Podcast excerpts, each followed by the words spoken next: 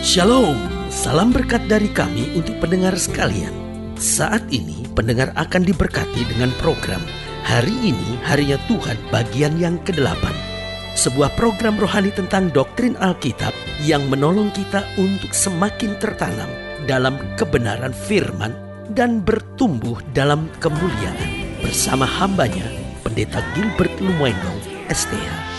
Banyak orang merasa doktrin Alkitab sebagai sesuatu yang membingungkan, tetapi tahukah saudara bahwa doktrin Alkitab intinya adalah memahami Alkitab dengan benar, dengan pemahaman yang sistematis, sehingga kita terus dapat tertanam di dalam kebenaran firman, sehingga kita terus bertumbuh di dalam kemuliaan Allah. Buka hati saudara sekalian untuk menerima berkat-berkat firman-Nya hari ini. Dunia hari-hari ini sedang kekurangan orang-orang bijaksana. Karena saudaraku yang kasih dalam Tuhan, dunia ini penuh dengan orang-orang egois yang hanya memikirkan dirinya sendiri. Tetapi orang-orang bijaksana ini yang perlu untuk apa? Untuk berani memikirkan orang lain juga. Kita butuh sekali pemimpin-pemimpin negara yang bijaksana, bukan hanya pintar berorasi, bukan hanya pandai membagi-bagi bagi janji, tetapi mampu menjadi orang bijaksana yang turut memikirkan kepentingan orang lain, yang turut memberikan sejahtera bagi masyarakat. Kita butuh suami-suami yang bukan hanya pandai membentak istrinya, memberi uang sesuai dengan kebutuhan keluarga, tetapi kita butuh suami-suami yang bijaksana, yang bisa membawa damai sejahtera di dalam keluarga. Kita butuh istri-istri yang bukan hanya pandai masak, yang bukan hanya bisa ngomel sehari-harian, menumpahkan setiap unek-uneknya karena kekecewaan dan kejengkelannya terhadap anak-anaknya. Tetapi kita butuh istri-istri yang bijaksana, yang dapat mengelola keuangan dengan baik dan akhirnya menuntun anak-anaknya untuk makin dekat dengan Tuhan. Saudaraku yang kekasih dalam Tuhan, dunia ini membutuhkan pemimpin-pemimpin gereja yang bukan hanya pandai menyampaikan khotbah-khotbah yang luar biasa dengan urap kehidupan yang dahsyat. Tetapi dunia sedang butuhkan pemimpin-pemimpin gereja, pemimpin-pemimpin umat yang bijaksana, yang tahu membimbing umat untuk menjadi warga kerajaan sorga yang menjadi berkat sementara dia ada di muka bumi. Dunia membutuhkan orang-orang muda yang bijaksana, yang bukan hanya menuntut dari orang tuanya harus begini, harus begini, harus begini. Tetapi dengan kebijaksanaannya, dia berjalan dalam takut akan Tuhan. Karena ini yang saya percaya orang-orang bijaksana di mana pun dia ada. Dia bukan hanya berjalan dalam damai sejahtera, tetapi dia membawa damai bagi orang-orang di sekitarnya. Haleluya. Selamat datang dalam program kita hari ini harinya Tuhan. Sebuah program rohani yang kembali mengingatkan kepada kita betapa pentingnya kita menjadikan firman Tuhan sebagai dasar keseharian hidup kita. Karena selama kita menjadikan firman Tuhan sebagai dasar keseharian hidup kita, langkah-langkah ke depan kita penuh dengan kepastian kemenangan berkat mujizat dan perkara-perkara yang besar. Haleluya. Dan dalam program ini kita sedang bicara tentang menjadi orang yang bijaksana. Karena saya percaya bijaksana bukan karakter, bijaksana bukan sifat, tetapi bijaksana sebetulnya adalah tekad dalam kehidupan seseorang. Jangan bilang waduh memang dia sifatnya karakternya bijaksana pendeta, sementara saya itu berbeda sekali. Saya percaya bijaksana bukan karakter, bukan sifat tetapi tekad dalam kehidupan seseorang. Maukah kita menjadi bijaksana? Apa pun karakter kita, apa pun sifat kita, tetapi karena kita mengerti panggilan kehidupan kita, kita mau menjadi orang-orang yang bijaksana. Haleluya. Nah, pembahasan tentang orang bijaksana ini kita sama-sama mulai dari Mazmur 119. Mazmur 119 masih di dalam Mazmur terpanjang dalam Alkitab, bahkan pasal terpanjang dalam Alkitab yaitu Mazmur 119 ayat yang ke-97 sampai ayat yang ke-104. Dikatakan demikian firman Tuhan Mazmur 119 ayat 97 sampai 104. Betapa aku cintai Tauratmu, aku merenungkan sepanjang hari. Perintahmu membuat aku lebih bijaksana daripada musuh-musuhku, sebab selamanya itu ada padaku. Aku lebih berakal budi daripada semua pengajarku, sebab peringatan-peringatanmu ku renungkan. Saudara yang kasih dalam Tuhan menarik. Daud tidak bilang aku lebih pintar, Daud tidak bilang aku lebih hebat, Daud tidak bilang aku lebih baik. Tapi yang menarik Daud bilang, aku lebih bijaksana daripada musuh-musuhku. Aku lebih berakal budi daripada semua pengajarku.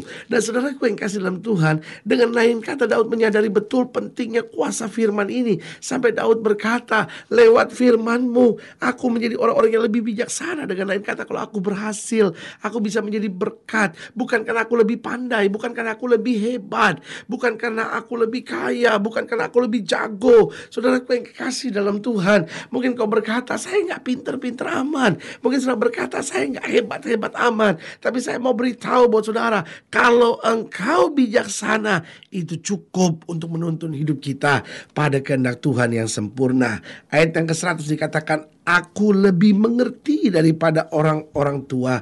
Sebab aku memegang titah-titahmu. Terhadap segala jalan kejahatan aku menahan kakiku Supaya aku berpegang pada firmanmu. Aku tidak menyimpang dari hukum-hukummu Sebab engkaulah yang mengajar aku. Betapa manisnya janjimu itu bagi langit-langitku Lebih daripada madu bagi mulutku. Aku beroleh pengertian dari titah-titahmu. Itulah sebabnya aku benci segala jalan dusta. Saudaraku kekasih dalam Tuhan. Dari sini kita belajar pada ayat yang ke-98 dikatakan. Aku lebih bijaksana daripada musuh-musuhku. Sebab selama-lamanya perintahmu itu ada padaku. Dan saudaraku yang kekasih dalam Tuhan, Pertanyaannya, bagaimana kita dapat menjadi orang yang bijaksana? Yang pertama saya pelajari, bijaksana itu bukan didapat di bangku sekolah. Bijaksana itu bukan didapat dari kehebatan, kepintaran, dan keluar biasaan seseorang. Tetapi saya pelajari bahwa bijaksana yang pertama bisa kita dapat jika kita hidup di dalam firman. Jika kita hidup dalam firman, jika kita pegang perintah-perintah Tuhan, jika kita simpan janji-janji Tuhan dalam hidup kita, maka saudaraku yang kasih dalam Tuhan, kita akan menjadi orang yang bijaksana. Itu berarti mengajar kepada kita pintar memang baik. Menjadi orang yang hebat itu memang perlu. Tetapi saudaraku yang kasih dalam Tuhan, meskipun kita pintar, meskipun kita hebat, tapi kalau kita nggak hidup di dalam firman, maka kita akan binasa, kita akan hancur, kita akan punya karakter dan sifat yang sangat buruk sekali. Makanya tidak sedikit orang yang kaya, tapi karakternya jelek sekali. Tidak sedikit orang yang sebetulnya hebat, pintar, tapi nggak bisa maju-maju. Kenapa? Karakter sifatnya buruk sekali. Sebagai hamba Allah, saya hanya mau ingatkan buat saudara, engkau boleh saja sukses, engkau boleh saja berhasil, engkau boleh saja dihormati oleh siapa pun, tetapi isi hidupmu tetap dengan firman. Karena firman akan membuat kau bijaksana. Engkau boleh miskin, tapi kalau kau hidup dalam firman, firman itu akan menjadikan kau orang bijaksana yang akhirnya kau akan maju diberkati dan berkelimpahan. Saudaraku yang kasih dalam Tuhan, meskipun hari-hari ini kau sedang dalam masalah yang berat, tetap isi hidupmu dengan firman. Karena firman akan menolong sudah bijaksana sehingga kau keluar dari masalah-masalah hidupmu dan berjalan dalam kemuliaan Tuhan. Ada banyak orang orang yang justru karena sedang dalam tekanan jauh dari firman. Ada banyak orang yang karena merasa dirinya sibuk karena sukses banyak pekerjaan akhirnya jauh dari firman. Sebagai hamba Allah kembali saya mau ingatkan mari kembali kepada firman karena hanya berjalan dengan firman kita akan beroleh hati yang bijaksana dan dengan hati yang bijaksana itu kita dapat mengatasi segala persoalan dan berjalan dalam kemenangan. Haleluya. Yang kedua saya pelajari bagaimana kita dapat menjadi orang yang bijaksana. Yang kedua jika kita mau memikirkan kepentingan kepentingan orang lain, jika kita mau memikirkan perasaan orang lain, jika kita mau memikirkan keuntungan orang lain, kadang-kala kita sama sekali nggak peduli dengan perasaan orang, kita sama sekali nggak peduli dengan kepentingan orang. Masa bodoh suami saya mau kecewa, masa bodoh mau istri saya sakit hati, masa bodoh mau suami saya akan merasa dirinya tidak berharga. Tapi kadang-kala sifat kita, mulut kita, perbuatan-perbuatan kita nggak peduli sama sekali dengan kepentingan orang lain. Yang penting saya senang, yang penting posting semua uh, amarah saya, kebencian saya udah bisa saya lontarkan, saya lampiaskan. Sebagai hamba Allah kembali saya mau ingatkan, ayo kita jadi orang yang bijaksana. Pikirkan kepentingan orang lain, pikirkan perasaan orang lain. Kalau saya bersikap begini, kalau saya bertindak begini, kalau saya ngomong begini, bagaimana ya hati suami saya? Gimana ya kira-kira pikiran istri saya? Gimana ya perasaan mertua saya? Gimana ya perasaan orang di sekitar saya? Sebagai hamba Allah saya mau ingatkan, orang-orang yang banyak memikirkan kepentingan orang lain akan menjadi orang yang bijaksana. Yang ketiga saya pelajari bagaimana kita dapat menjadi bijaksana, yaitu jika kita menempatkan kebenaran di atas kepentingan.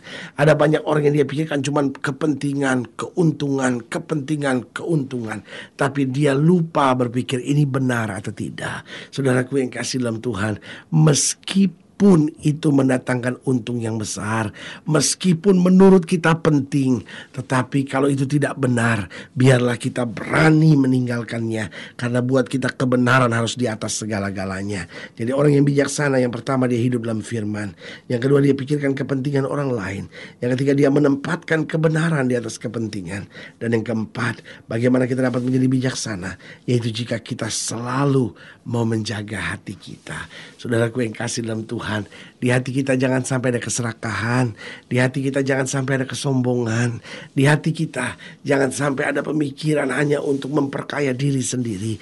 Orang-orang yang tidak menjaga hati akan menjadi orang yang egois, akan menjadi orang yang kasar dan mau menang sendiri. Tapi orang-orang yang menjaga hatinya, dia ampuni orang yang bersalah. Dia memikirkan persoalan-persoalan orang lain. Dia turut terlibat dengan pergumulan-pergumulan orang lain dan ini yang membuat dia menjadi bijaksana. Berarti dari sini kita bisa melihat bagaimana kita dapat menjadi orang yang bijaksana. Yang pertama yaitu jika kita hidup dalam firman. Yang kedua jika kita mau memikirkan kepentingan orang lain. Yang ketiga jika kita mau menempatkan kebenaran di atas kepentingan. Dan yang keempat jika kita mau selalu menjaga hati kita. Sebagai hamba Allah kembali saya mau ingatkan. Biarlah masing-masing kita hidup dalam kebijaksanaan. Maka di mana pun Tuhan tempatkan saudara. Engkau akan melihat berkat Tuhan yang berkelimpahan. Haleluya. Saudara yang kasih dalam Tuhan, jika sebagai nilai yang lebih jauh, hubungi kami melalui telepon, hubungi kami melalui surat, kunjungi website kami. Karena kami ada untuk membawa Bapak Ibu Saudara senantiasa lebih dekat pada Tuhan dan mengalami kasih kuasa mujizat yang luar biasa. Haleluya. Secara khusus melalui program ini juga saya mau berdoa buat siap yang sakit, siap yang berbeban berat. Karena kita percaya bahwa bagi Allah tidak ada perkara yang mustahil. Nah saudara-saudara ingin didoakan secara khusus, boleh taruh tangan kanan saudara tidak ada. Karena sekarang khusus saya mau berdoa sekarang buat setiap saudara. Mari kita doa. Bapa dalam nama Yesus. Sama doa buat setiap pendengar sekalian yang sedang taruh tangan kanannya di dada karena beban berat, karena persoalan. Atau mungkin karena rindu menjadi suami yang bijaksana, rindu menjadi istri yang bijaksana, rindu menjadi pemimpin yang bijaksana, rindu menjadi pelayan-pelayan Tuhan yang bijaksana. Bapak Bapak berdoa di dalam nama Yesus Tuhan jama. Sehingga kami hidup senantiasa dalam firman, memikirkan kepentingan orang lain, menempatkan kebenaran di atas segala-galanya, dan mau selalu menjaga hati kami. Bapak Bapak berdoa di dalam nama Yesus yang sakit Tuhan sembuh sembuhkan yang lemah Tuhan kuatkan. Orang-orang muda diberkati rumah tangga dipulihkan. Hamba doa pekerjaan-pekerjaan masing-masing kami diberkati dan hidup kami boleh menjadi berkat. Di dalam nama Yesus kami berdoa. Haleluya Amin. Saudara gue yang kasih dalam Tuhan kita sudah berdoa. Ingat Allah tidak pernah lalai menepati janjinya. Inilah saatnya buat kita untuk bangkit bersemangat bersuka cita dalam menghadapi segala perkara. Karena kita tahu Yesus hidup, Yesus berkuasa, Yesus senantiasa menyertai kita sampai kesudahan alam. Doa saya menyertai saudara sampai berjumpa pada program berikut dan jangan lupa jadikan hari ini harinya Tuhan. Haleluya.